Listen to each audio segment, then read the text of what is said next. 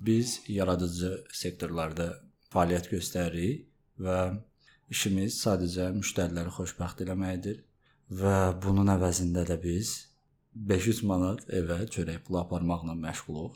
Amma dövr artıq dəyişir. O gün gəlib çatdı. Görəsən artıq milyoner dizaynerlərmi dövrü gəlir? Bu gün artıq bu mövzu aktualdır və biz bu gün bu mövzudan danışacağıq.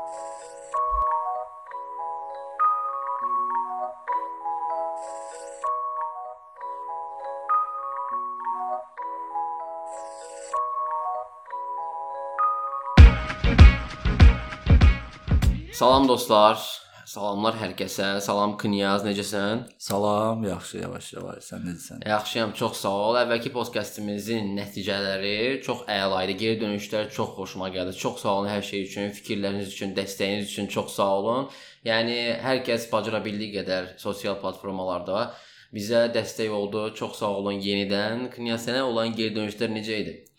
Artıq ikinci bölümümüzdür. Birinci bölümün əslində biz planlayanda demişdik ki, demo versiya planlayaq, yəni demo üzərindən gedək. Elə elə demo oldu ki, artıq 45 dəqiqəlik bir podkast alındı. Və əslində çox da dəhşət dərəcə yerlərə toxunmadıq biraz. Yəni tam yəni, demo idi əslində. Amma gələn rəylər müsbət çox müsbət oldu. Bu da bizim biraz da motivasiyamızı gələcək podkastlərimizə və indiki podkastımıza görə artırmış oldu. Düşünürəm ki, həm bizim ölkə üçün podkast dinləyənlərin statistikasına baxsaq və indiki bizim birinci seriyamızın statistikasına görə məncə yaxşı nəticə idi. Action sizdə bundan davam edə bilər. Əvvəlki podkastımızda olan statistika əslində 400 nəfərin üzərində idi. Yəni dinləyən sayısı 400 ətrafında bir şeydir, bir rəqəmdir. Podkastı dinləməyi çətinlik çəkənlər üçün biraz məlumat verim. Podkast hazırda elə bil bəzi platformalar var ki, məsələn üçün bunlar məşhur platformalardır. Google Podcast-dir, Spotify-dir, Apple Podcast-dir. Bunlar elə bil podkast yayınlamaq üçün bir təsdiq etməyə ehtiyac var. Bu təsdiq etmə də müəyyən prosedurlardan keçdiyi üçün hələ ki bizim podkastımız bu platformalara təsdiq edilməyib. Amma mən bunu, yəni biz bunu biləcək, bildiyimiz üçün əslində podkastı YouTube-a da yerləşdirdik, dinlənilməsi rahat olsun deyə. Lakin bu podkastı, hətta bu və bundan sonrakı podkastləri YouTube-da yayımlanmayacaq. Çünki biz istəyirik ki, bacara bildiyimiz qədər podkastı elə sözün əsl mənasında podkast platformalarından dinlətdirə bilək və buna alışqanlıq halına gətirək deyək ki, podkastı dinləmək istəyənlər hazırdakı vəziyyətdə, yəni bu kimi digər platformaların təsdiq edilənə qədər Anchor platforması var. Anchor platformasından dinləyə bilərsiniz. Həmçinin Breaker var, Podcast Cast var.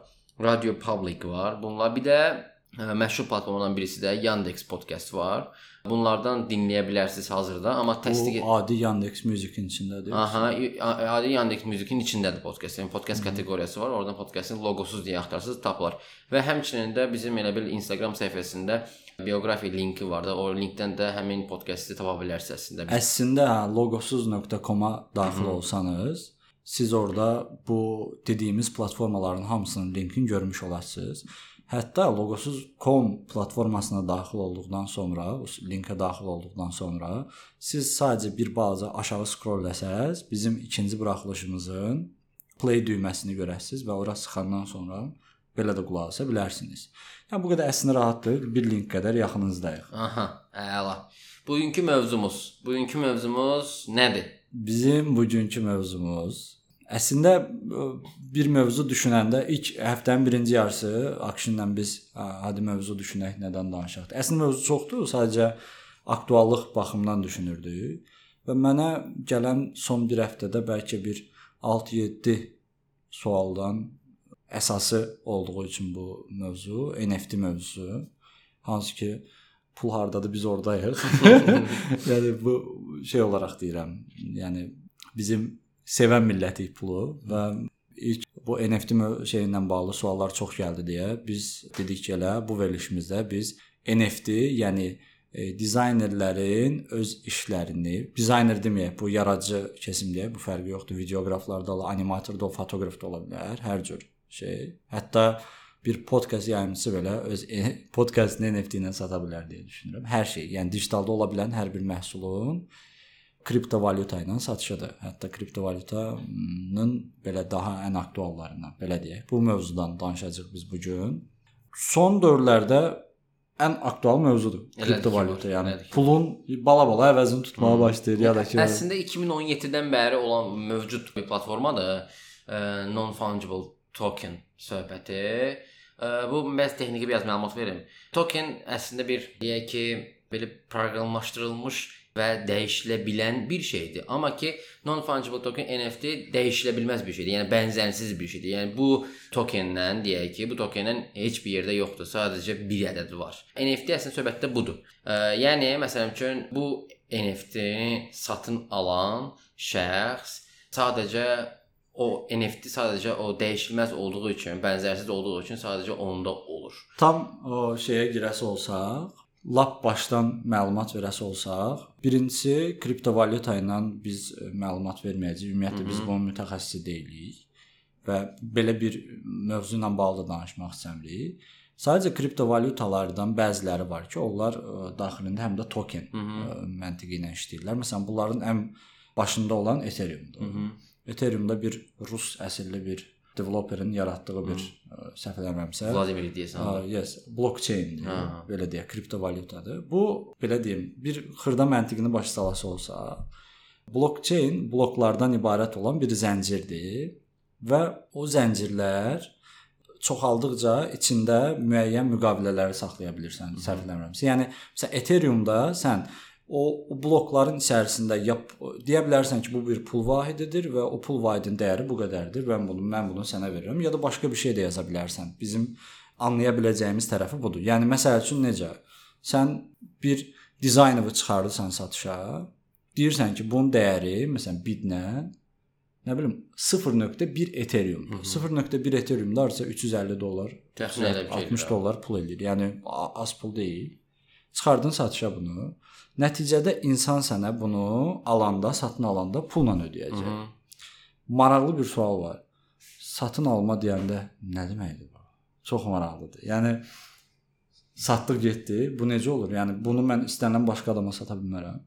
Əslində bu ə, deyək ki də NFT Amma olan burada şey token söhbəti. token söhbətidir. Yəni burada artıq sən bəzi məsəl üçün platformalar var ki, öz sənə aid olan bir deyək ki, digital nəsə bir şey arta, nəsə yaradıcı bir çalışmaya, yəni bu təbii ki, söhbət sadəcə dizayndan getmir. Hər hansı bir çalışmaya, deyək ki, yükləyib NFT-yə çevirib və onun hər hansı bir satış platformasına sata bilirsən. Təbii ki, indi bu satın alan adam da həmçinin başqasına sata bilər. Lakin elə bil bu satın alma elədiyin zaman istifadəçinin özünün pay haqqı da ödənilməlidir. Yəni sən bu deyək ki, məsələn üçün Knyaz bir dənə produkt satır, deyək nə dizayn satır. Mən də bunu Knyazdan NFT, yəni Ethereum-dan satın aldım.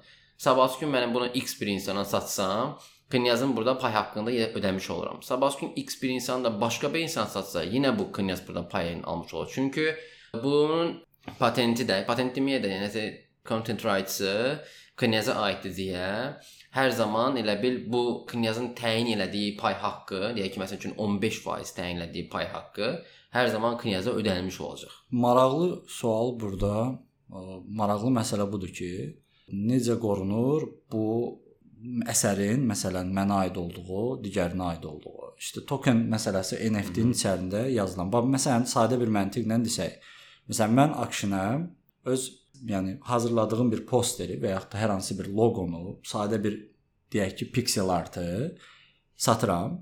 Yəni bidlə və yaxud da ki, sadəcə satdım 1 Ethereum-a getdi. Ethereum-a gələndə NFT generate olunur onun içərisində. NFT-də mən sadəcə belə bir cümlə yazmağım kifayətdir ki, mən bu sənət bu işi mən hazırlamışam və bunu bu artıq aksiyonundur və aksiyona verirəm deməkdir.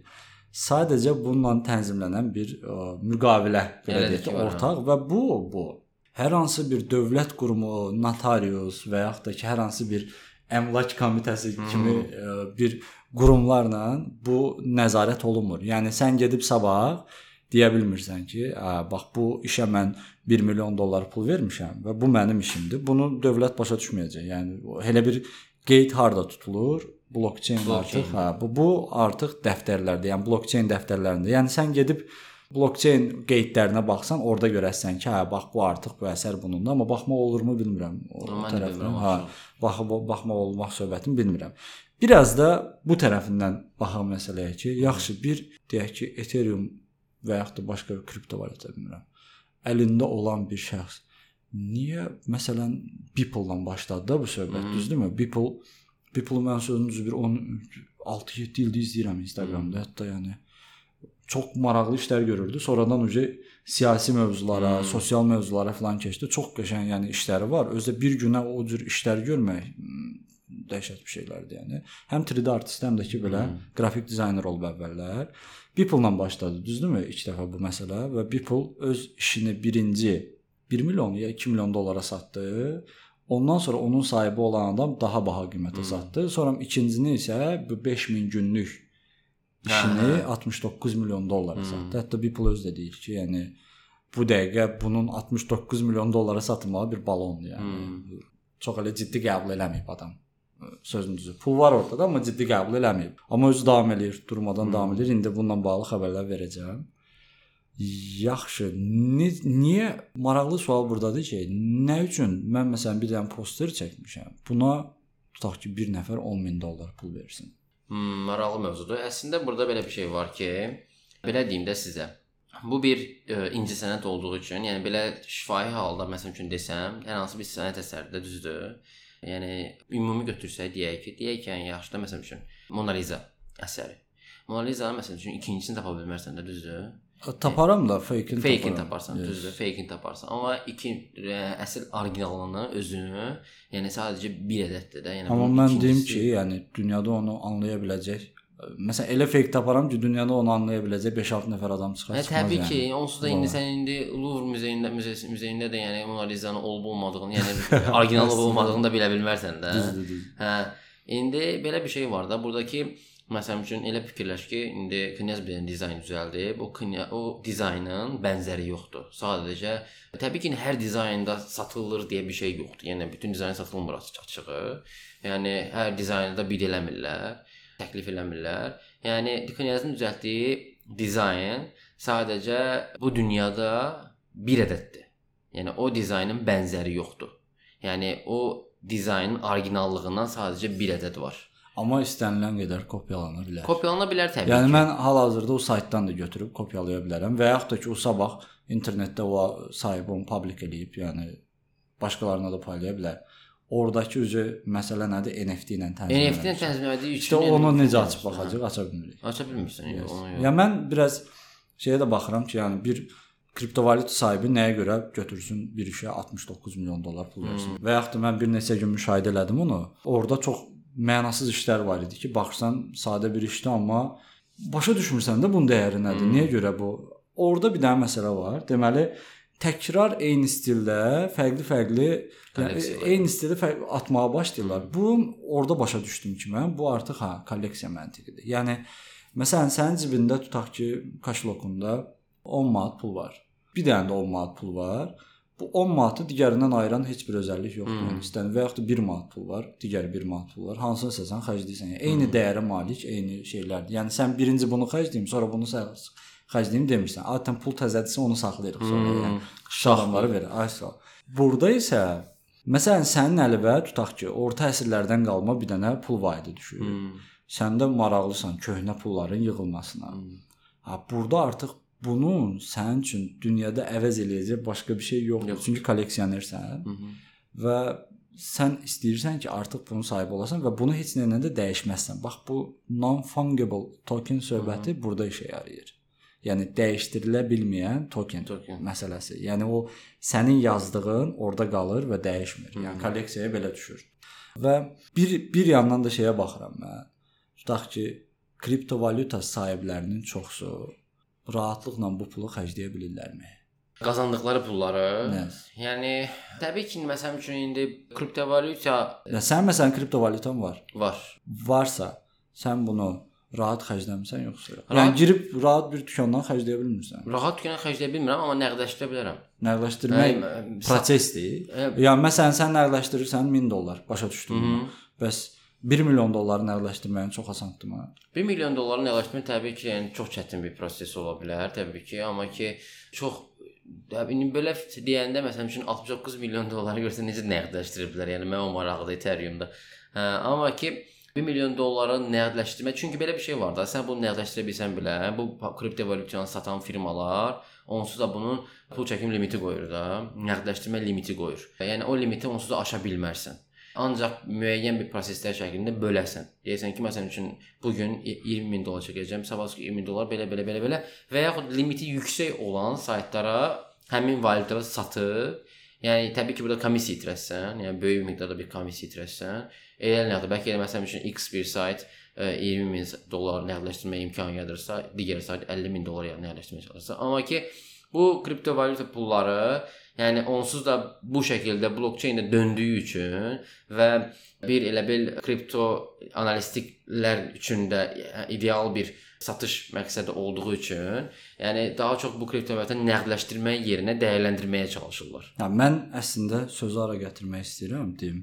Yenə sual çıxacaq ki, mən burada gizgicə bir iş çəkib atmışam. Hı -hı. Niyə buna bu qədər pul verirlər? Düzdür, o İki dənə əsas sayt var da bildiyim qədərilə. OpenSea və Foundation App. Hə bir dənə də R ilə başlayır. Repeatable belə bir şey. O daha ciddi qəbul eləməyə başladım sözün açığı. Mən də son vaxtlar ə, maraqlanmağa başlamışam kriptovalyuta məsələsindən. Qonşudan qalmadala. Hə. Məntiqi. Hə. Sözün açığı Binance-da eşitdim iyunda artıq öz NFT marketplace-ni buraxır, Aha. amma bəlli sayda token paylayacaq, səhv eləmirəmsə. Yəni ondan artıq token paylamayacaq. İndi bilmirəm, mən gördüyüm Yəni məlumat o oldu. Binance-dan sonra bu işin hələ davam edəcəyini düşünürəm.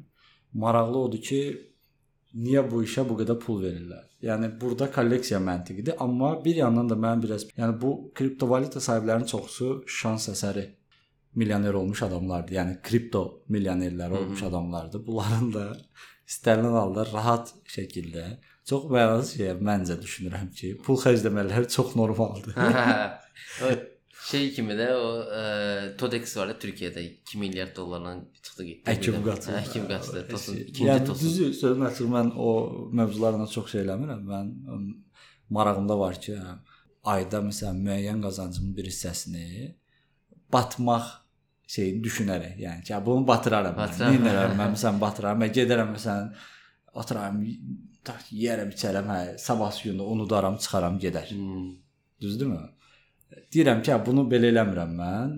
Götürürəm yəni kripto alıb atıram yəni. Sabah nə olar, nə olmaz. Qızıl da atıb 10-15 il gözləyirəm bəlkə dəyərli. Hə, yəni bunu nə bilim artırım, azaldım, alım, satım belə bir şeylə maraqlanmaq istəmirəm sözünüzü. Ha, işte biraz da mən düşünürəm ki, artıq internetdən pul qazanma dövrüdür tam olaraq. Yəni mən düzü sözün düzü bu işlə 6-7 ildir məşğulam. Onda çox elə Azərbaycanda dizaynerlər filan, çox təhdid dizaynerlər vardı ki, ha, internetdən də pul qazanmaq olur. Hmm. Yəni mən kiminsə əlinin altından işləmədən də sadəcə öz işlərimi sərgiləyib satıb pul qazana bilərəm. Hətta yəni dostlarla söhbət eləyəndə keçən dəfə dedim ki, biz birazdan biz də kriptovalyuta ilə satmağa çalışacağıq. Hı -hı. İşte biraz da mənə elə gəlir ki, buna alışqanlıq yaratmaq üçündür bu NFT söhbətləri. Həm də düzdür, kriptovalyutanın özünün də aktuallığını qorumaq üçündür, bu başqa. Amma yəni biraz da deyəsən biz öyrəşməliymiş kimi gəlir. Əlbəttə ki, digital ödəmələri mütləq öyrəşmək lazımdır. Belə deyim də, əslində bu bir ə, məsələn üçün belə deyim də, çox dərinə getmək istəmirəm açığı şeydən danışacaq idim. Şey mən deep webdən şey deep webə qədər gedib gedə bilərdim. Yox, girmə, kriptovalyuta söhbətinə çox girməyək. Hə, yəni NFT-nin şeylə. Hə, yəni məsələn ki, coin-lə ödənişlər əslində demək olar ki, həddindən artıq çox rahatdır da. Sürətlidir də. Hə, həddindən artıq çox sürətlidir. Bir QR kodu qədər yaxındır. Hə, əlbəttə ki, həddindən çox sürətlidir. Ə, və digital ortamdadır deyə və nə qədər də bunun müzakirəsi gedir getsin, inkişafdan dayanmır da. Yəni bu bu mövzu inkişafdan dayanmır. Nə qədər düşsə də məsələn üçün həmişə aktual mövzu olur, qalxsa da həmişə aktual mövzu olur. Və bir də ki, məsələn üçün o baxırsan, məsələn insanların coin portfolyosuna.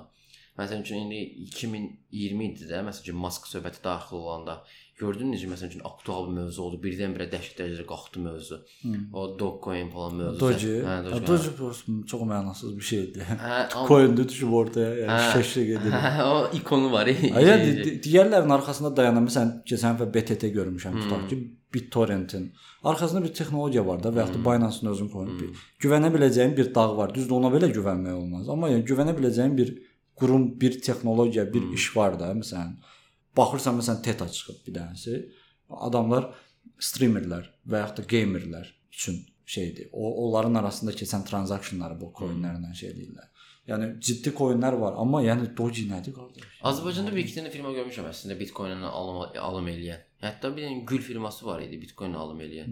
Hmm. Instagramda çox olsa da bu dizaynerlər xərclədinlərsə. Hə. Qısaca mən təzə təzəcə eşitdim, sözün düzü adamın adı yadımda deyil. Azərbaycandan NFT ilə satış edən adam olub. Ha, var, var. 10 10 mu 20 mi Ethereum-a səhvərimsə satış ediblər. Ha, Türkiyədə var. animasiya Türkiyə- filmi idi. Türkiyənin Baxdım yəni çox qəşəng idi. Yəni hətta daha da çox vermək olar. Türkiyədə məsələn üçün ən, çox satış ediləni var Murat Pak. Hə, o məsələn üçün o da həddindən az çox böyük satışlar eləyib. O, o da Tospot bayaq sən dediyin kimi bir kolleksiya üzərindən Yaxşı, bir dənə maraqlı sual. Biz tam detal girsək, indi dizaynerlərə fokuslayırıq da. Hmm. Burada proqramist öz kodunu sata bilər. Proqramist öz kodunu sata bilməz. Bəs mən tweetimi sata bilərəmmi? Tweetin satan var. Şey kim satdı? Təzə. Hə, çox adam satıb. Bəs Jack, demir, Jack. Jack Dorsey də sat. İlk dəfə Jack Dorsey satdı. Hansısa bir foundationa Hmm. yatırdı pulu. Yaxşı bir podkastımızı sata bilərikmi? Podkastı Rahat sata bilərik yəni. Bu podkastı yoxlayaraq. Instagram postumu sata bilərəmmi? Instagram postunu Məncə linklə olan hər şeyi satmaq olur. Sata bilərsən. Sadəcə yəni o token var da yanında, NFT var yanında. Hə, bu bunundur doğrudan. Hə. Qəşəng söhbətlər var. Gör bunun içindən nələr çıxır. Yəni brainstorm eləyirəm də sabah bizim o hər şeydən pul çıxaran millət deyil. Əlbəttə ki. Gör nələr olacaq. Sözün düzə əgər dəyərli Düşünsənə çıxsın bu mağazanın olsun qabağındakı o zaman qızı satırmış birisi NFT-ilə. Oha. Amma sata bilər də. Götürüb aparmış yəni. Sata bilər də. Ya mən qız qalsın satışa çıxa bilərəm. Çıxara bilərəm yəni. Şəklini çəkib satışa çıxa bilərəm yəni. Körpüyü satan şey kimi. Hə, ola Çünki bilər. bilsən niyə? Yəni buna nəzarət edən bir qurum yoxdur axı. Mhm. Ortada etibar, inan. Hə qardaş, mən sənə güvənirəm. Sənin sözün sözdür. Vəsə qutardı, bu mənimdir. O qutardı. Bu qədər rahat bir anlaşma şeydir yəni. Superdir. Yəni. Hə, ola bir şeydir. Kişinin sözü bir olar. Hə. Amma dediyin söhbət bir dənə şeydir. Hə. Məsləhət görərsənmi? İndi mən daha çox illüstrator, fotoqraf, dizayner və animatorlar tərəfdən. Ya məsləhətimi bura girmək səncə? Araşdırmısan. Ə, açığı belə deyim də. Məsələn, heç kimi yönləndirmək istəmirəm açığı. Amma ki, belə öz fikrim budur ki, mövzu əslində aktualkən bir baxmaq lazımdır. Yəni niyə də olmasın da, baxmalı. Çünki bu kimi mövzular biraz e, belə deyim də gücünü bəzən itirə bilir. Yəni belə kobud şəkildə səsləndirsəm, bəzən elə vaxt ola bilər ki, məsələn ki, bu söhbət ölə bilər də. Ölə bilər. Çünki ona görə isti-isti əslində biraz baxmağa dəyər. Çünki çox əziyyətli bir şey də yoxdur. Yəni siz məsələn üçün bir illüstrasiya kolleksiyası, təbii ki, tək bir şəkildə əlavə edə bilərsiniz, amma bir illüstrasiya kolleksiyanız varsa və yaxud nə hər hansı bir dizayn kolleksiyası varsa, məsələn üçün o dizayn kolleksiyasını satışa edə bilərsiniz. Çünki sizdən əslində heç bir şey də getmir. Təbii ki, gedir, necə gedir? Məsələn üçün maddi tərəfindən deyək ki, məsələn üçün indi hər bir platformanın özünə görə bir deyək ki, tutum pul tutmaq şeysi var da. Məsələn üçün Foundation Devdə bir nəsə bir əlavə el elə eləmək üçün hə, səhv etmirəmsə 0.25 Ethereum tələb eləyir və Foundation Devdə hazırdakı vəziyyətdə heç kəs creator ola bilmir də, heç kəs qoya bilmir. Sadəcə bir dəvətnamə lazımdır. Həmin creatorlardan, yəni Foundation Devdə nəsə satanlardan mütləq dəvətnamə almalısan. Hə, bu upvote məsələsi. Upvote söhbətidir. hə. Upvote da eləmirəmsə, yəni ora elə data user yığmaq üçündür elə şey. Yəni 100%. Orada 2800 nəfər var, 2800 nəfər sənə kim sənin postunu bəyənsə, sənin paylaşımını bəyənsə, ə, sən o sənə upvote eləsə, orada community var da, community sənə upvote eləsə, Yəni girmək belə deyim də bir sözlə asan deyil. asan deyil açıq olaraq 4-5 6 proseduru var ki, məsələn biraz həvəsdən sala bilər, səbirli olmaq lazımdır. Əslində eyni proses deyim ki, internetdə tutaq ki, sən bir UI dizaynersən Hmm. və öz template template hazırlayırsan, onu satışa çıxarırsan. Eyni proses əslində orada da var. Orada da var, səbirli olmaq lazımdır. Səbirli olmaq lazımdır ilk başlarda. Review açıq olmaq Review hə. açıq olmaq lazımdır. Rev, krit, onlar verən reviewları çünki istənilən marketplace Hmm. düzdür indi bu səhvəmsə şeydə yoxdur. Foundation-da və ya OpenSea-də yoxdur. Belə şey yoxdur. Sadəcə ilk başlarda deyirlər Hmm. ki, məsələn OpenSea deyir ki, qardaş 47 dollardır deyəsən. Hmm. Ödə gir satmağa Hmm. səhvən. Amma Foundation deyir ki, qardaş upvote olmalısan. Səndən sən invite gəlməlidir ki, biz səni şey eləyək. Hmm. Qəbul eləyək, hə, satmağa başlayasan deyə. Da dünən o, mən çox izlədiyim bir logo maker var, e, Jerome Van Eyden desən. Hollandiyalı bir qardaşdır. Çox qəşəng işlər var bu arada. Daha çox application və saytlar üçün, digital məhsullar üçün logo çəkəndə o da ilk NFT-sini satışa çıxardı. Hətta 1 həftədir o da vuruşurdu. Hmm. Hə, storylərində gördüm ki, 1 həftədir, hazır qoyub və gözləyirdi, sıxırdı hmm. şeyləsin. Dünə artıq satışa çıxardı. Marilyn Monroe-nun bir dənə posterini hazırlamışdı, hmm. amma sadə maraqlı bir stildə göstərərəm sənə. Instagramda Jeron Van Eyden yazsa çıxacaq. Əslində şeydə də Google-da da yazsa çıxacaq, Dribbble-da da var. Girdim baxdım hələ ki, orada bir dənə də məsələ var, rezerv söhbəti. Məsələn, özü nəsə atır qabaqcadan. Yəni özü birinci nə nə qədərsə pul qoymalıdır ora. Hı. işə salsın, Əlbəttə ondan sonra hə. hə, belə bir şeydir. Ya məsələn People maraqlı bir şey eləyib. People izləyəndə görürəm ki, artıq tək-tək bütün işlərində satır, Hı. təzə işlərində. Əlbəttə. Satanda da bax bu bu artıq game changer. Satanda da 2-6 həftə ərzində, yox 4-6 həftə ərzində həmin məhsulun physical print outunda göndərir. Maraqlı bir şüşə qablaşdırmanın içində xüsusi çamadanda yanında QR kodu ilə filan. Bax bu modeli bəyəndim. Yəni People düzdür indi qəşəng pul qazanır və komandası filan var böyük ehtimal bundan Hmm. məşğul olan və bu işə ayrıca ciddi yanaşır. Hmm. Bax bu model, modeli bəyəndim ki, yəni havada qalmır da hər şey. Bir dənə də mənə özündən şəxsən belə xüsusi bax bu oyunu dəyişir. Hmm. Sabah müəyyən qəliblər çıxar. Bu qəliblərə uyğun işlər görünməyə başlayar ki, deyirəm də bu dövrü başladan bip oldu. Şüşə belə fırlanır belə. Varaqlı bir şeylər çıxır hmm. ortaya. Çox çox xoşum gəldi. Bir dənə illüstrasiya çəkən var. Adı familiyası Ermənidən çıxdı. Adı Pavel idi. Polşalı var. Həmişə ə, siyasi şeylərə paylaşır sosial, sosial medianın. Belə bip oldu deyəsən siyasi. Ancaq Trampı indi keçib Bidenə. Hə, hə. hə məsələn Pavelu çox istəyərdi məsələn üçün NFT girsin. Keçən dəfə Facebook postunu gördüm ki, o da başlayıb NFT-yə. Çünki bizə necədir? Hətta bir dənə də var, yeni çıxıb. İndi o adı təsvir etmə gəlmir. Orada şey sırf artdır da, yəni başqa heç bir şey qəbul eləmirlər. Və fi sıfırdır. Adam sırf arta dəstək üçün ə, bunu eləyir. E, Əslində bir baxıma da yaxşı bir şeydir ki, də məsələn üçün sənin dizaynın dəyərini qılır da, və sən dəyərləndirə bilirsən. Bir də ki, bu şeylər daha çox satır. Ən çox satanlardan birisi bilirsən nədir? Bu game kitlər var, oyun kitləri. Məsələn üçün nə bilim avtomat skinləri. Məsələn üçün bunlar falan həddindən artıq satır. Gamerlar falan çox alır bunu. Onsuz ilk NFT-dən satılan şey də əslində bu olub, Kyber City-nin. Kyber City-nin, Cyber City-nin şey olub, ə, hər hansı bir oyun kiti olub. Ondan sonra aktuallaşıb və bu dəqiqədə məsələn üçün OpenSea-də mən şey görmüşdüm, ən çox satılanlardan daha çox oyun kiti idi. Bir də bilsən biri nə eləyib, o çox xoşuma gəldi. Dünyada olan deyək ki, ən önəmli xalçaların hamısını illüstrasiya edib, çəkib, ən önəmli vacib xalçaların hamısını illüstrasiya edib, elə kolleksiya yaradıb da. Maraqlı Hə, yanaşma. maraqlı yanaşmadır. O belə fürsətlər çoxdur. Yəni fürsətlər çoxdur. Məsləhət görə bilərəm. Düzü biz ə, NFT ilə satış eləməmişik. Amma prosesin özünün rahat olmadığını demək istəyirik ki, yəni hop mən başlayıram NFT-də satmağa, sabahdan Bəs, başlayıram uploada. Belə şey yoxdur. Yəni, hə, be, belə şey yoxdur. Birinci o marketlərə girə bilmək üçün sənin özün kriptovalyutan da olmalıdır və pul xərcləməlisən qabaqcadan müəyyən bir məbləğ. Birində bəzisində az olur, bəzisində çox. İndi Binance hansı məntiqlə çıxacaq bilmirəm. Ondan sonra bəlkə də sənin atdığın heç satmayacaq. əlbəttə ki. Bir bir neçə dəfə atasan satmayacaq. Məsələn, keçən baxıram ki, Beeple kopyalarını atır. İşin hmm. eyni fərqli-fərqli bitlər yaradır ki, hələ Beeple bunu eləyir, yəni təsəvvür eləsən. O ondan sonraki məsələ, sən bu kriptovalyutanın sahibi oldun. Ondan sonra daha çox qazanmaq istəyirsən axı. Əlbəttə ki. Böyük ehtimal qazandıqların əgər çox kosmik rəqəmlər deyilsə, qazandıqlarını təkrar digər işlərini sərgiləmək üçün xərcləyəsən. Belə əslində ortada fırlanan bir kriptovalyutadır. Hə, yəni. heç də qazana bilmirdi. Qazanırsan nəticədə də. Amma Amma bir dənə də reallıq budur ki, qazandığınızı da çıxarmaq da bir prosesdir. Hə, Yəni 100%. onu o onunla bağlı mütləq sizin bir mütəxəssisə və yaxud da özünüz araşdırıb öyrənə bilirsə, ona ehtiyacınız var. Bir yandan da mənə elə gəlir ki, daha çox dizaynerlər yox, yəni bu illüstrator, rəssam, fotoqraflar yox. Elə bura gələcək tayfa bu kriptovalyuta tayfasıdır. Yəni 100%. onlar deyir ki, "Ya qardaş, bir dənə sən mənim üçün belə bir şey elə mən bunu satacağam." hə. Hə, o daha rahat olar yəni. Ortaqlıq da maraqlıdır. Bilmirəm. Mən hələ ki Azərbaycandan bir də animasiya gördüm.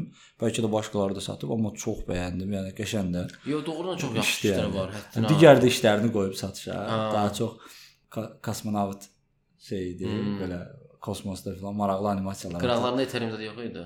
Bilmirəm, yəni tam hə var idi deyəsən. Deyəsən, hə, olaraq. mən də görmüşəm. Bax görürəm ki, doğrudan da məsəl üçün satış eləmək istəyənlər var. Sadəcə bu bizdə belə bir şey var da. pul vermək istəmirlər açığı. Məsələn üçün hər kəs elə bil ə, foundation Hə, deyilən gəldi dirəndi məsələn, gəldi dirəndi məsəl üçün, hə, bunu satmaq üçün 1 dollara da. Ayda. Hə, işte, getdi 1 kilo ondan sonra peso alaram. Ay yox, e, uje burada nəsə bir iş var. Hə, Məndən hə, pul alırsa bu. hə. hə, elə şey olmur da təəssüf ki. Məsələn üçün bu adamlar deyir ki, məsələn üçün sən bu işə girirsənsə, sənin bir e, kripto qaşlıqın olmalıdır və içində adam şey sənin üçün işini sərgiləyib satır, düzdür? Satırsa, qardaş, ona da bir pul verməlisən. Hmm. Komanda. Hə, mən bir dəfə görürəm, keçən dəfə Twitterdə görürəm, şey ya, hamı oturub şey gözləyir də, foundationdan dəvətnamə gözləyir. Sıxı bə. Məsələn, hə, Hashtagli, hashtagli upvote, upvote. Hə, hamı öz paylaşımlarına deyir ki, məsələn üçün baxın, mən yaxşı illüstratoram. Mən bəyənirsinizsə like eləyin, like it, like gör. Onun kimi bir şeydir. Ya, eynən. Ya qısacası belə izah elədik. Yəni qısacası izah elədik ki, əslində bir ortada ciddi bir qurum tərəfindən tənzimlənən bir şey deyil. Blockchain deyilən bir şey var. Orada müəyyən qeydlər tutulur və o qeydlər sayəsində sən işini verəndə onun üstündə də bir qeydlə versən ki, bax mən bu işi verdim Akoya, bu artıq Akomundur. Satdın, getdi. Ondan sonra sən girirsən kriptovalyuta dünyasına, daha da çox qazanmaq istəyirsən, daha da çox qazanmaq istəyirsən, daha da çox qazanmaq istəyirsən və belə uzana-uzana gedir Bir yəni. də görürsən ki, nəqdləşdirə Hə, bilmirsən. Yəni elə olur. Onsuz da deyir kriptovalyuta sahiblərinin çoxusu nəqdləşdirmir. Deyirəm niyə nəqdləşdirmir ki? Məsələn, burada 2 milyon dollar pulu var da. Deyir ki, niyə nəqdləşdirsin ki? Birdən qalxdı. Hə, Birdən düşdü. Abi elədir. İşte bu, bu mən belə düşünürəm ki, sabah məsələn müəyyən müddətli düşəcəkdir. Düzdür, mən çox kosmik qiymətlərə qalxacağını düşünürəm. 100%. Bitcoin-dan. Yəni dəhşət bir şey olacaq 100%. Çünki bu insan oğlu elədir ki, şirdə şirdə onu aparacaq aralara yəni. Sabah düşsə bax bu NFT aktuallığını itirəcək. Çünki hələlik də, yəni çünki sa- sa- sat kriptovalyuta sahibi onu satmamağa çalışacaq. Dəyəri düşüb axı, əlində tutub saxlamağa çalışacaq ki, birdən qalxsın dəyəri onu da satın. Bax elə şeylərdə oynamalar ola bilər. Ay, 100%. Amma yəni belə deyim, gələcəklə bağlı proqnozum odur ki, mənim siz əgər bir marketplace-də satış eləyirsinizsə və yaxud da xidməti bir iş görürsünüzsə, freelancer-də filan, böyük ehtimal 3-4 il sonra biz artıq kriptovalyuta ilə də işləməyə Hə, başlayacağıq. elədir Yəni bəlkə də var. daha tez. Çünki var bəzi saytlar kriptovalyuta ilə iş görən. Bax bu da bir maraqlı bir game changing. Mhm. Ona görə də lap, belə mən fokusumu verim digital tərəfə də. Yəni dizaynerlər araşdırsınlar, öyrənsinlər ki, ümumiyyətlə bu texnologiya nə olan şeydir. Adaptasiya olsunlar və fürsətdir də, yəni dəyərləndirmək olar. Heç olmasa yəni belə milyoner olanmırıq. Olmasa kripto milyoner olaq. Əlimizdə belə yekə-yekə gəzir. Yes, eynən. Bu mövzu bu, mövzu bu. Əlavə eləmək istədiyim bir şey var. Əlavə istəyirəm, əslində bir sual soruşmaq istəyirəm. Səncə Biz sata bilərik bu podkastı. səncə əslində səncə ölə biləcək bir şeydir NFT söhbəti yoxsa Məncə illərlə gedə biləcək bir şeydir? ölməməlidir ya, ölməməlidir. Mən bu qədər səmimi olmalıdır əslində hər şey. Ya düzdür, o qədər etibarlı bir şey deyil, amma yəni niyə də ölsün ki, bizim üçün fürsətlərdir də bu. Əlbəttə ki, Yəni dəyərləndirmək. fürsətlərdir bizim üçün. Düzdür, dövlət nəzarətində olmayan bir şeydir, yəni Ən deyirəm. sevdiyimiz. Düzdür. Mən mən də aysa nəzarətdə olmayan bir şeydir, superdir. Aynen, aynen. Amma yəni hazır olmalısan istənilən sənə gələcək kələyə və yaxud da itkilərə falan hazır olmalısan. Ona görə məncə itməməlidir. Yəni Məncə niyə də. də biz çox qazanmayaq? Hə, Bizim üçün də qəşəng fürsət. Yəni e, çox qazanmaq nəyə nəzərdə tuturam? Ola bilər ki, uşaqlar siz bir işinizi satmısınız bir Ethereum-a. Hal-hazırda onun 3500 dollar dəyəri Hmm. var deyək ki. Amma siz o bir Ethereum sabah ola bilər 100 min dollar, Hmm. 200 min dollar. Ola bilər ay, yəni bu olma ehtimalı olan bir Əlbəttə şeydir. ki. Düzdür, mütəxəssis deyən də deyirəm, deyiləm, amma araşdırmalarımdan görürəm ki, scalable bir şeylərdir. Bunlar böyüyə bilər, bunlar arta bilər. Bax, ona görə deyirəm ki, fərqi yoxdur az çox. Girmək olar. Hmm. Girmək olar və yoxlamaq olar. Hə sən sabah heç nə 200 min dollara satdığın 200 min dollarlıq əlində bir coin varsa, elə onun 100 min dolları da səni zəngin eləməyə yetər. Bir yəni. də ki belə bir şey var da, Ethereum məsələn üçün son 1 həftədə 2400 dollardan 3500 dollara gəldi. İndi məsələn üçün indi bu saytlar da produktu əlavə eləmək üçün səndən Ethereum tələb eləyir əslində. Və sən əslində gecikdiyin zaman daha çox ödəmiş olursan əslində. Eynən. Eynən. məsələn 0.05 Ethereum istəyirsən, indiki qiyməti məsələn deyək ki 75 dollardır. Yəni 1 həftə sonra bu olacaq 92 dollar. Yəni daha çox çünki ə, kriptovalyuta yüksəldikcə sən əslində itirmiş olacaqsan əgər gecikdiyin zaman. Ona görə əslində bu kimi fürsətləri yerindəcə dəyərləndirmək lazımdır. Yes. Nə söyləyək bizdə? Vallahi nə bilim, mənim əslində o o səbrim yoxdur. Açıq Ya mən sözün açığı girdim. 2 gün, 3 gün scroll up, scroll down. Biraz gəzdim, elədim, araşdırdım. Hətta MetaMask-də bir dənə kaşlok da yaratdım, hmm. şey elədim, yoxladım o bu. Yoxlamaq istəyərəm, amma bu dəqiqəki hədəfimdə kriptovalyutanı iş satıb qazanmaq yox. Digər mənim mar yəni marketplace-lərdən olan gəlirlərimi kriptovalyutaya çevirməkdir. Yəni mən daha çox fərqli bir özümə strategiya hmm. çizdim ki, əlimdə olan bu dəqiqə dolları bir hissəsini çıxardıram və çevirirəm kriptovalyutaya, hmm. dursun orada yəni. Bax bir dənə prosesi izah edeyim mən uşaqlara, ondan sənin söhbət etsən bağlayaq. Belə deyim sizə. Burada elə bir kripto bu NFT ə, layihələrinizi çevirmək üçün əslində hər hansı bir tool falan ehtiyac yoxdur. Elə sayt özü eləyir. Sayt özü bunu eləyir. Saytlardakı məsələn üçün müxtəlif saytlar var. İndi bu haqqı necə dedik kimi OpenSea, Foundation Dev-dir. Sonra bir dənə Rına var, adı yadımdan çıxdı təmiz. Burada kolleksiyonu və single aça bilirsiniz. Amma bunun əvvəlində qeyd olmalıdır. Qeydətdən sonra Ethereum kaşloklar var ki, məsələn MetaMask-dir, hə, Wallet, hə. MetaMask, MetaMask var, özü yönləndirir əslində. Özü yönləndirir rahat şəkildə. Çox asandır. Həddindən artıq. Sonrasında isə dostlar öz creator hesabı yaradırsınız. Yəni bu işi yarada bilən şəxs e, olaraq hesab yaradırsınız və sonrasında sizdən upload etmənizi istəyir, şəkilli və yaxud hər hansı nəysəni upload etmənizi istəyir. Upload edirsiniz. Sonrasında onun məlumatlandırırsınız adını, başlığını, açıqlamasını, set price edirsiniz, yəni qiymətləndirirsiniz. Deyək ki 0. təbii ki bunlar hamısı Ethereum-la hesablanır. Riski məsələn üçün başlanğıc qiyməti və 0.25 Ethereum-dur deyək ki. Və sonra deyirsiniz ki, sonra satıldığı zaman, başqası tərəfindən satıldığı zaman, deyək ki, bunu satdınız mənə deyək ki, mən başqasına satdım. Sizin faiziniz nə qədər olacaq bundan, onu təyin edirsiniz və sonrasında təsdiq gözləyirsiniz. Amma bəzi platformalar var ki, bunun üçün bir fee tələb edir ki, məsələn üçün bu qədər Ethereum ödəməlisən. Bunun üçün də əvvəlcədən sənin Ethereum walletında bir pul olmalıdır. Yəni onu kredit kartı ilə falan ödəmək söhbəti deyil də. Artıq məsələn bu qədər pul tələb edir, göndərim söhbəti deyil. Sən bunu Ethereum ilə ödəməlisən. Belə. Belə, belə maraqlı bir məncə izah eləyə bildik. Loru dildə mən ona çalışırdım ki, Hı -hı. bu texniki formada yox. Çünki məsələn bəzən olur ki, özüm də bu kriptovalyuta borsası deyirlər də. Düzdür, ora girməyə çalışanda hər dəfə açırdım YouTube-da bir neçə videonu, adam xətt keşlə, nə bilim, diaqramlar açır, onu hə. azaldır. Bunu heç nə başa düşmürəm. Qardaş, loru dildə izah elə. Mənlə başıma nə gələcək? nə olacaq? Yəni nə baş verəcək? Bu bunu məncə dizaynerlərə, yəni loru dildə izah eləmək daha okeydir. Hə. Belə Digər bizim NFT ilə bağlı məncə ifadə, amma bir suallar olarsa, sözün düzü, biz tam dediyim kimi mütəxəssis deyilik, amma Aha. ünvanlaya bilərsiniz. E, ünvanlasanız e, bildiyimiz qədərilə sizi yönləndirib cavab verərik belə. E, yes, bilirəm ki, maraq çəkən mövzudur Aha. ona görə. Belə, NFT ilə bağlı fikrimiz budur. İndi biz keçirik növbəti bizim rubrikalarımızdan birinə. Aha. Ako Təzə nə xəbərdən keçir? Təzə nə xəbər var? Təzə nə xəbər var? Təzə nə xəbər var abi? Nə baş verib? Nə baş verib? Əsasən də və qarışıq əslində. Yəni qarışıq da, industry dizaynla gətirək, nə bilim. Məsələn, mənə maraqlı olan mövzulardan biri mən düzü hardasa bir 5-6 ay qabaq Mac-la gündəlik işlərimdə sağollaşdım və Nə danışırsan? Keçdim Windows-a. Oh, yes, PC, personal computer. Yes. Nəyə görə ki, əslində illərdir mən Mac işlədirdim. Düzdür, gündəlik iş həyatımda mən həm tədrisdə, həm də belə Mac işlədirəm. Amma öz personal işlərimdə mütləq Windows olacaq. Okay. Nəyə görə? Çünki mənim tələblərimi qarşılaya biləcək Mac-in qiyməti çox bahadır. Hmm.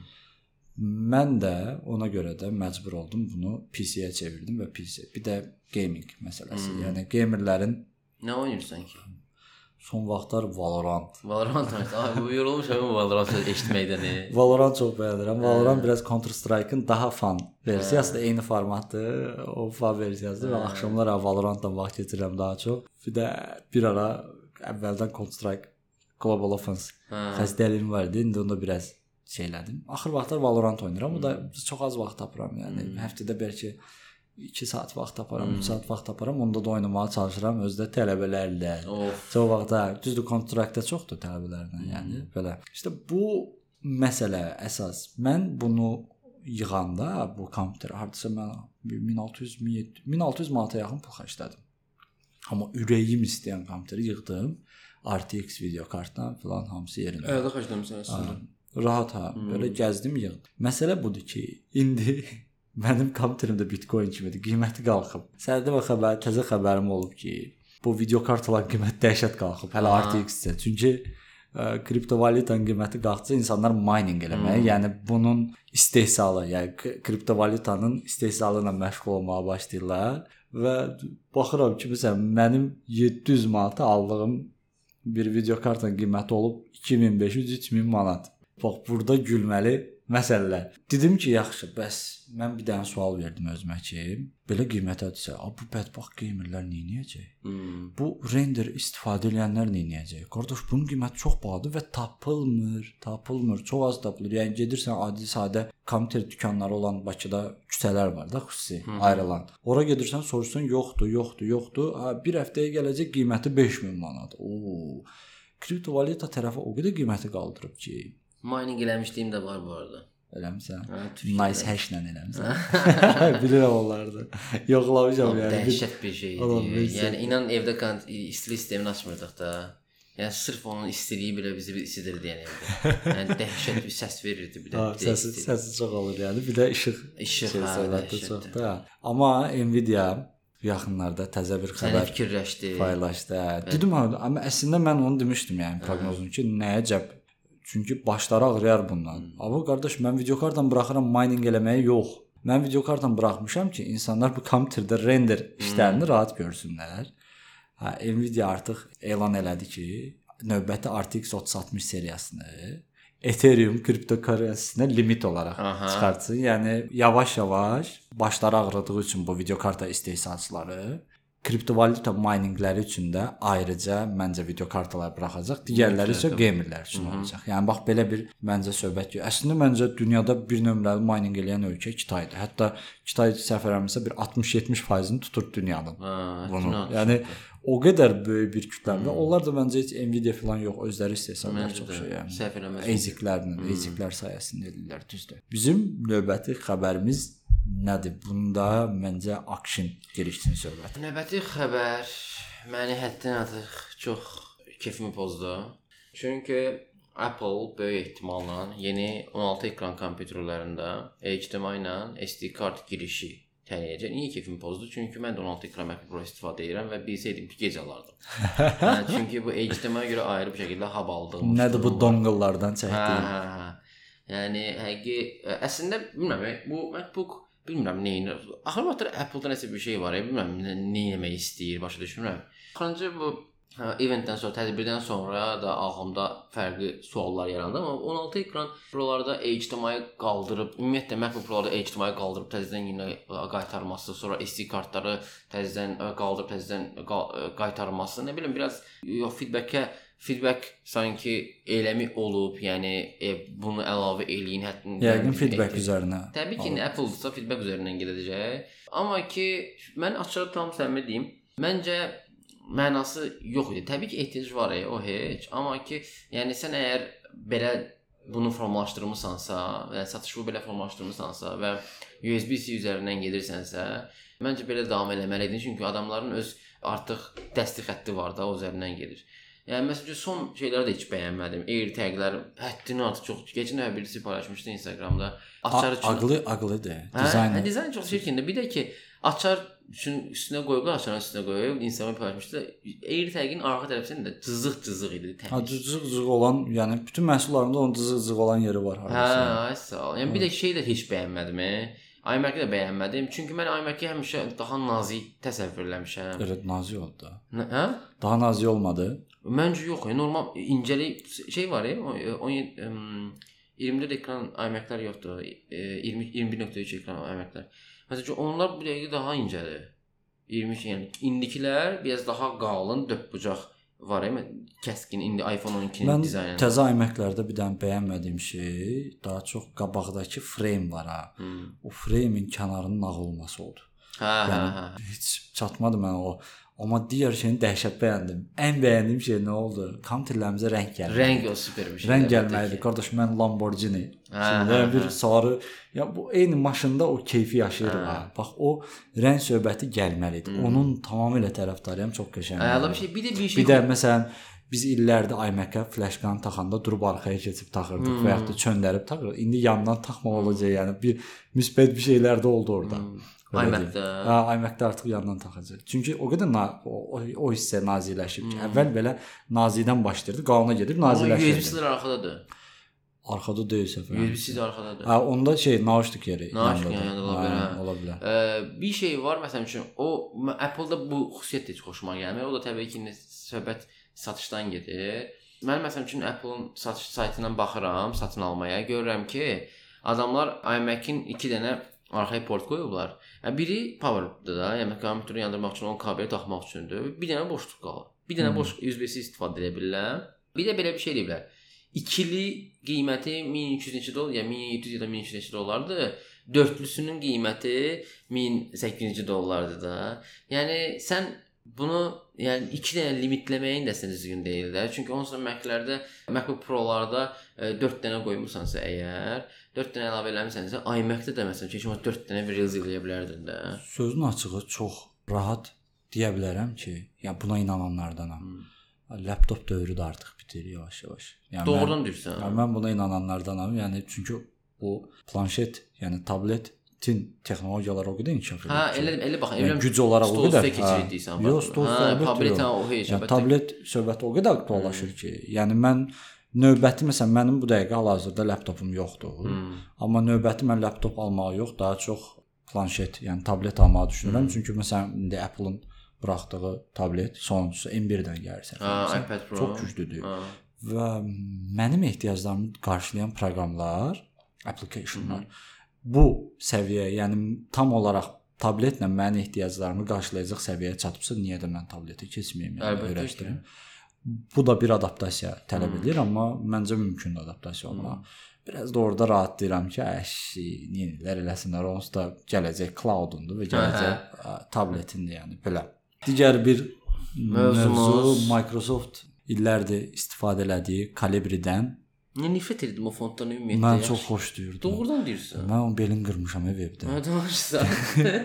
Web üçün ən ideal fontlardan biri idi. Yəni. Çünki mən onun şeyinə baxanda bir bununla bağlı bir abstraktda səhv eləmirəmsə bir seriyada tipoqrafikadan danışılırdı və orada kalibre Yo yo yo, o səhv deyirəm, abstraktda deyildi o. Mən hər bir kitab oxuyurdum.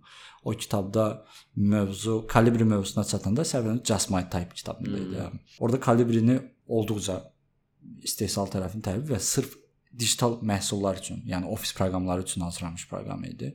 Onun oxunaqlığı digital o qədər rahatdır ki, indiyənə kimi digital məhsullarda ən çox istifadə olunmuş fontdur Calibri. Doğrudan da elədim. Amma Microsoftun təzə fontlarını buraxmağını sevdim. Hmm. Yaxşıdır. 5 cür font səhv eləmirəmsə, Grandvoid, Seaford, Skina, Tenority and bir stance. Yes. 4-5 bir fontla özünü yoxlayır. Artıq 15 ildən sonra Calibri-dən ofis proqramlarından çıxır, yeni default fontlara keçid eləyir. Bu da bir maraqlı yenilik. Yəni Microsoft sözün açığı bu font baxımından bazı və çox elə yaxşı fontları gətirmir. Apple daha çox Hı -hı. bu Helvetica familiyasını, Avenir familiyasını filan üzərində verməklə daha yaxşı işlər görür deyə düşünürəm. Bu Windows 10 da dəyişdi də. Windows 10 Segway UI fontunu. Yəni o var idi. Hə, Segway var idi, amma hə, tətbiq eləmirdilər. Tətbiq eləmirdilər, amma Windows ona bütün hə, Segway-ni mən mətbəə vaxtları işlədirdim. Hə, o 10 il qabaqdan mən istifadə elədiyim fontlardan biri idi. Onu default font olaraq təyinlədilər o fontu. O da səncə nəyə görə mən ən çox o fontu işlədirdim? Segway variable. Əsiz adı var. Ay Allah, hə. Ə hərfi ü, əş, əş, S var, əş. Yəni belə bir şey var idi. Ona görə istifadə edirdim. Yaxşıdır. Mən Microsoft Windows işlətdiyim üçün elə bu təzə fontları da hmm. test eləmək fürsətimiz olacaq. Amma hmm. məsələn tutaq ki Arial sevməm. Nifrət edirəm mən. Sevməm Arial. Düzdür, bizim dövlət qurumlarının çox işlətdiyi font olmalı vaxt. Amma ən sevdiyim font məni. Hmm. Bu aralarmı yoxsa ümumən? Yaxşı, son 2 ayda. Son 2 ayda ən çox işlətdiyim font olub mənim e, Neue Haus. Neue Haus. Neuhaus. Hə, Neuhaus işlətmişəm daha çox. Hə. Bir də əlavə Helvetica Now. Helvetica Now ürək. Now, hə, Helvetica Now işlətmişəm. 2 dənə font ki, çox qəşəng fontlardır. Hmm. Bir də məsələn bizim Kod Akademiyanın fontu Visby hmm. CF fontudur. Hə, onu da çox işlədirik içəridə korporativ hmm. fontumuz olduğu üçün. belə robotudur. Ya, ya fondlar dəyişən olmalıdır. Düzdür. Bir fond tapırıq qəşəng fond. Onun zibilini çıxardana kimi istifadə edirik, edirik, hə. Bezirik eyni qəşəng mahnıya qulaq asmaq kimi bir Hə, şeydir. hə.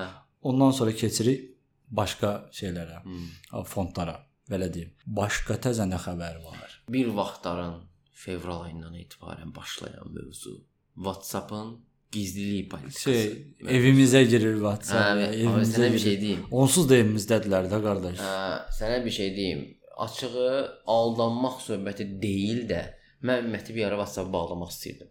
Mən WhatsApp-ı ümumiyyətlə söndürmüşəm Hə, üçün ki, həyatımda olmasın, özüm lazım olanda istifadə Hə, edirəm. çox az istifadə edirəm demək olar. Bir dənə evdəki evdəkilər üçün WhatsApp-larda bir istifadə edirəm.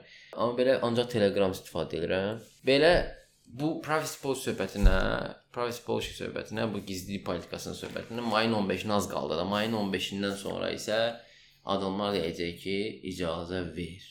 İcazə ver tələb et. Mən əslində razılaşmışam. Qabaqcadan razılaşmışam. Qabaqlaşmısan heç. Hə, canım. WhatsApp-a. Təhvil vermisən özünə WhatsApp-a. Ya özümü buraxmışam, təhvil vermişəm deyəndə. Onsuz da elə vermişdin yəni. Təhvil vermişəm deyəndə adamların dediyi bir şey var. Fərdi olaraq biz götürmürük datanı. Hmm. Yəni fərdi data söhbəti yoxdur. Onsuz da bunların hamısı enkript olunmuş məlumatlardır. Mən bilirdim ki, messengerlər məsələn bu söhbətlərdən gedən dataları götürürlər. Bu, bu burada da belə bir xüsusi bir şey yoxdur. Hə var indi bəzi absurd içində qaydalar var, hmm. çıxır üzə, amma sənin bundan qaçışın yoxdur axı. Yəni sənin anan, atan, nənən, baban WhatsApp-dadısa, sənin burdan çıxmaq kimi bir şansın yoxdur.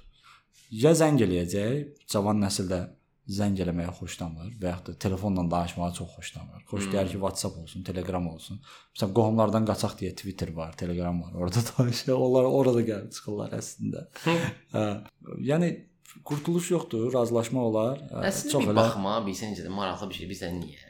Məsələn, Facebook Ads istifadə edirsən, deyək ki, məsələn, Facebook reklam verirsən. Mən Facebook işlətmirəm ümumiyyətlə. Bay bay sağ Məsələn ol. üçün reklam verirsən Instagram sponsorluq falan. Orada demoqrafiya seçirsən də. Məsələn üçün bu insanlara çıxsın reklam, bu insana çıxsın. Yəni, əslində bu datalar üçün də bir baxma, ya reklam verənlər üçün də bu datalar da vacib bir şeydir.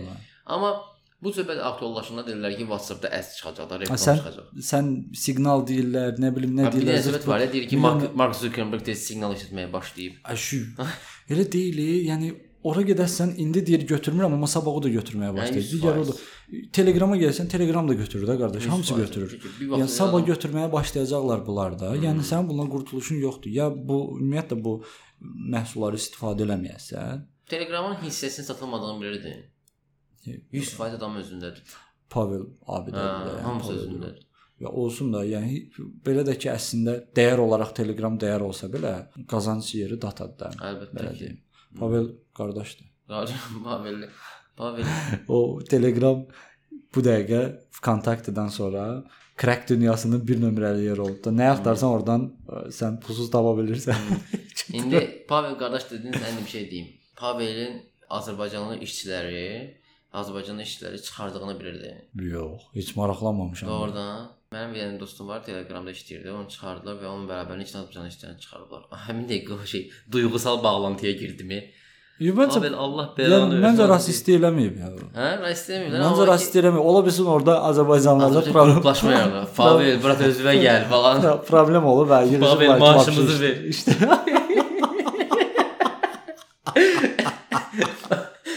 Məncə orada yəni bilmirəm. Qruplaşma olub Ya yəni. orada heç Azərbaycan işlədiyini də bilmirəm. Ya, kim harda işləyir və ya Google-da kim var. Yetərincə Azərbaycan dünyada istedadlı və belə deyim, uğurlu Azərbaycanlı dizayner və proqramistlər var ki, dünyanın bu dəqiqə istənilən yerində işləyirlər. Əlbəttə ki. Bizim bunlardan məlumatımız ancaq LinkedIn və yaxud da özünün göstərdiyi şovlar sayəsində ola bilər, belə deyim. Vəssalam. Belə başqa bir yenilik varmı abi? Başqa bir yenilik çox sevdiyim bir yeniliklərdən birisini deyəcəm. Təbii ki, Azərbaycana gəlməsi çox çətindir, amma Twitter hesablar arasındakı pul transferi Azərbaycanda heç hələ düzəməli Apple Pay zət. Azərbaycan Apple Pay gəlmir. Oy da, dəhşət bir şeydir. Bir hər hansı bir məhsul görmüşdüm belə NFC-nə ödəmək, ödəniş eləmək üçün, amma Apple Pay, Google An- Android gəlib deyəsən, amma Apple gəlmir. Payment var da, amma ki şey yoxdur da, Apple Apple Pay yoxdur. İndi deyirsən Twitterdən biz bir-birimizə pul göndərəcəyik. 2028 Qaqa bir dənə 10-luq tweet atdı. 8 manatlıq tweet. Şey, bu bilirsən necə bir şeydir? Bu özəllikləri gəlir ha. E, Telegrama da gəldi də. Telegramda o da var ha, Telegramda da var. Özü Telegram hələ ki komissiya tutmur.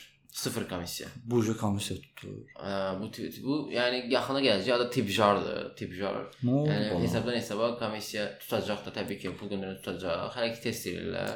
Bizə gəlməyibdir sən. Bizə hələ gəlməyib. Yox, bizdə Twitter istifadəçisi də dəhşət çox deyil.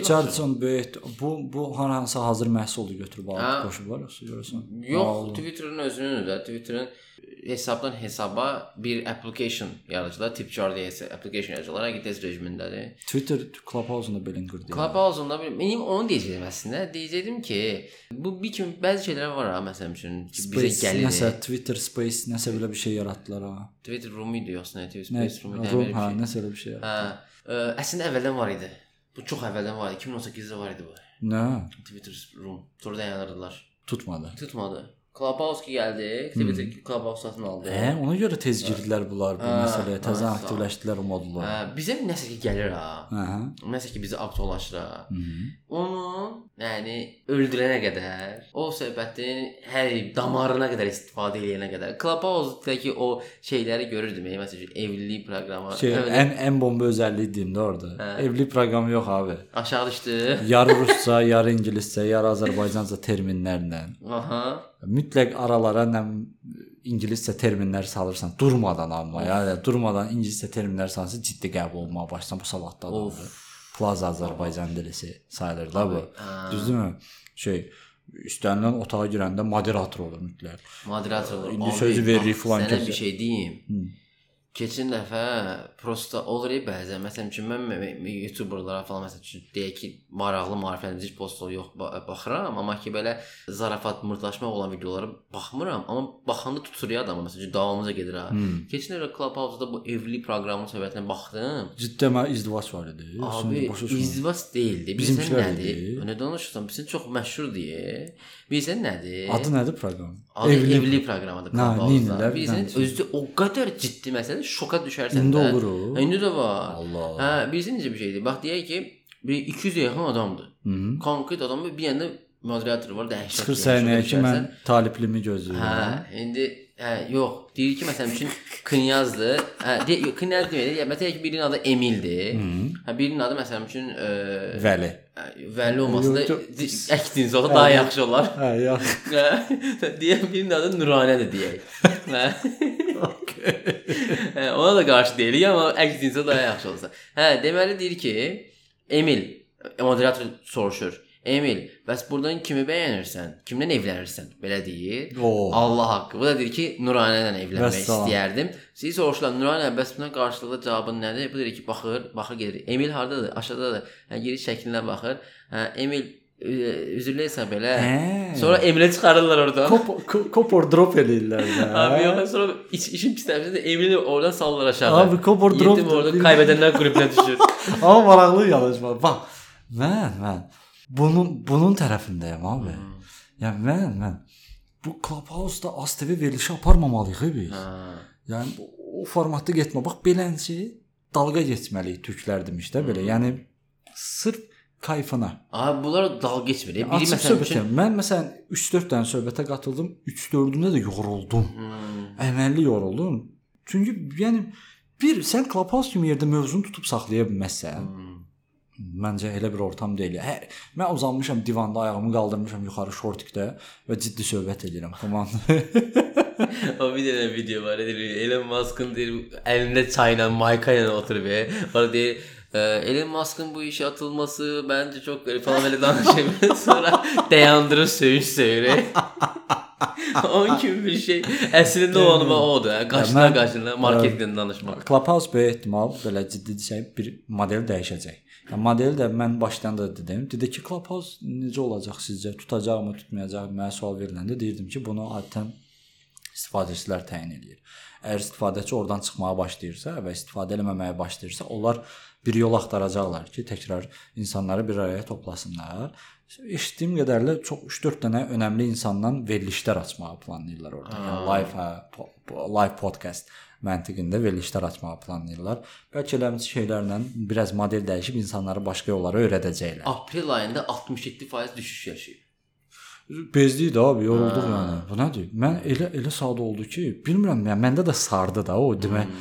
ilişdim. Elə saat o qıraqdan amma mən əvvəldən podkast dinləyən idim. Hmm. Yəni o da var. Əvvəldən qulaq asırdım mən podkastlara. Elə yerinə düşdü məsələn Twitch var idi mən hmm. izlədiyim. O arada Twitch-i buraxdım, ora keçdim. Çünki sırf o çayxana söhbətləri olan, dediqodun olduğu belə rahat tənzimlənməyən bir yerə adamın ehtiyacı olur. Bir də bu pandemiyadasa vəbşi yəni. Hmm. Amma ya belə də yoxdur. Mən düşünürəm ki, Ha. Ya Hə, o zaman belə belə ya. Yes. Başqa Başqa təzə bir mövzu yoxdur. yoxdur. Yox, yoxdur. Təzə mövzu yoxdur. Başqa. Yes, təzə bir başqa bir mövzumuz səfərimizə. Yox, qalmadı bir şey. Bəli.